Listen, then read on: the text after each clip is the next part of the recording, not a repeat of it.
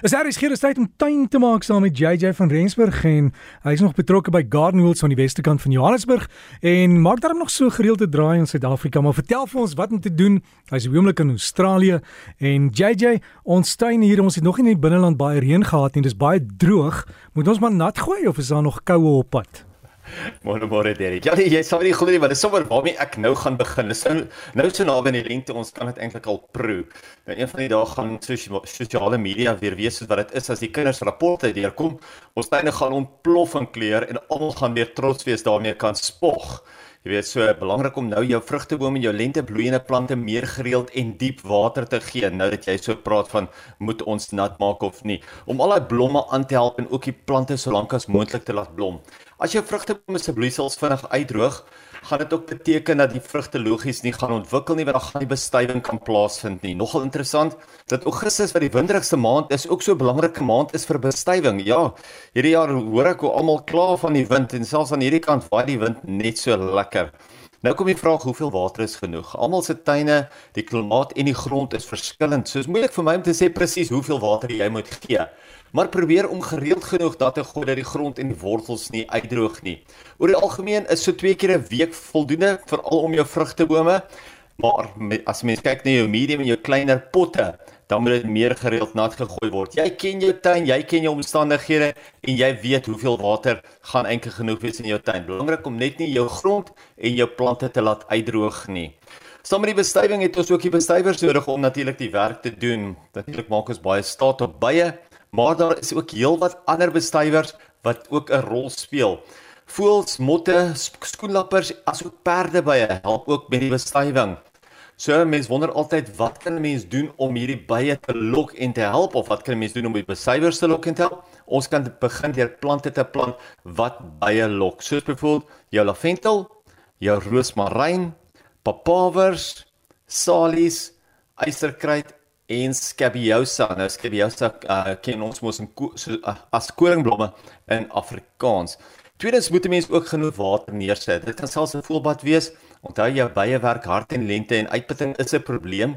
So kom ons help ons bestuivers waar moontlik. Plant 'n paar plante wat wel daai bestuivers na jou tuin toe lok en dan sit jy ook genoeg water uit. Dan weet 'n mens dat jy het hulle ook op hulle gesondste of op hulle beste kondisie in jou tuin laat hulle daar vir al, vir al die bestuiving kan doen en al daai vrugtebome gou kan bestuif.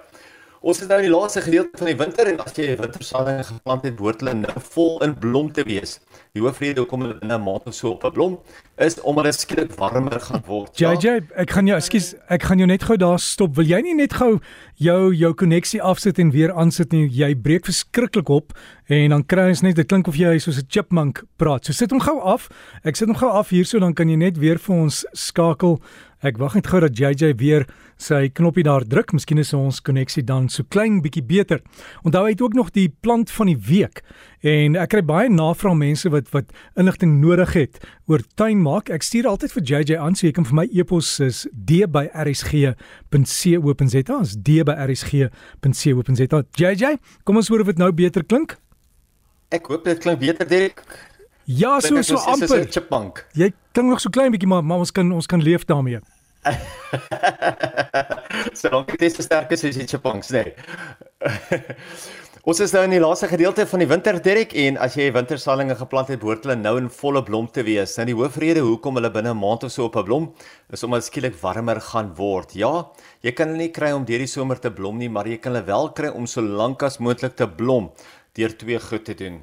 Eerstens sny gereeld die dooie blomme af sodat die plant nie saad skiet nie. Jy hoef nie noodwendig net die dooie blomme af te sny nie. Jy kan selfs van daai blomme pluk en dit in 'n vaas in die huis gebruik en dan behoort jy nog steeds baie meer blomme uit om te uit die plant uit te kry. Onthou, sodra 'n plant saad geskiet het, dan beteken hy sy werk gedoen. Hy's net daar om saad te skiet. Natuurlik saam met daai saad skiet kom die pragtige blomme vir ons.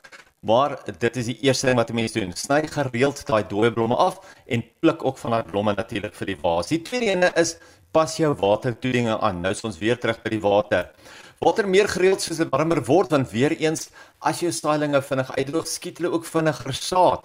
So 'n mens moet probeer om jou beddings klammer te hou veral as dit nou begin warmer word. Jou ranonkels behoort ook nou mooi in blom te wees en weer eens hoe meer gereeld blomme jy pluk, vir die blompot, hoe meer sal die plante blom. So, as jy van 'n ranunkel in die tuin het en dan het 'n paar blomme op hulle, ek hulle gerus voer hulle uh, met ietsie soos 'n 315 of 'n 815 wat lekker hoog is in kalium en dan behoort jy geweldig baie meer blomme in elk geval terug te kry. Direk ons plan van die week as jy mens beddings reg uitlê uh, probeer jy altyd om vlakke werk soos hulle in, in Engels sê layers nou die voorste randakkerplant moet logies klein genoeg wees om oor te kan sien maar hy moet ook lekker sterk wees om my bedding bymekaar te om die grond bymekaar te laat alles nie net wegspoel voor op die gras of uitspoel uit die potte uit nie. Ons plant van die week is die ideale ornamentele gras vir hierdie doel en dit is die Carex Everillo. Nou die Carex Everillo is 'n pragtige lemmetjie groen ornamentele gras. Mens kry mos jou groen, jy kry jou swart, jy kry jou gekleurde blare wat bietjie wit gestreep in die blaar het, maar hierdie enetjie is 'n lemmetjie groen.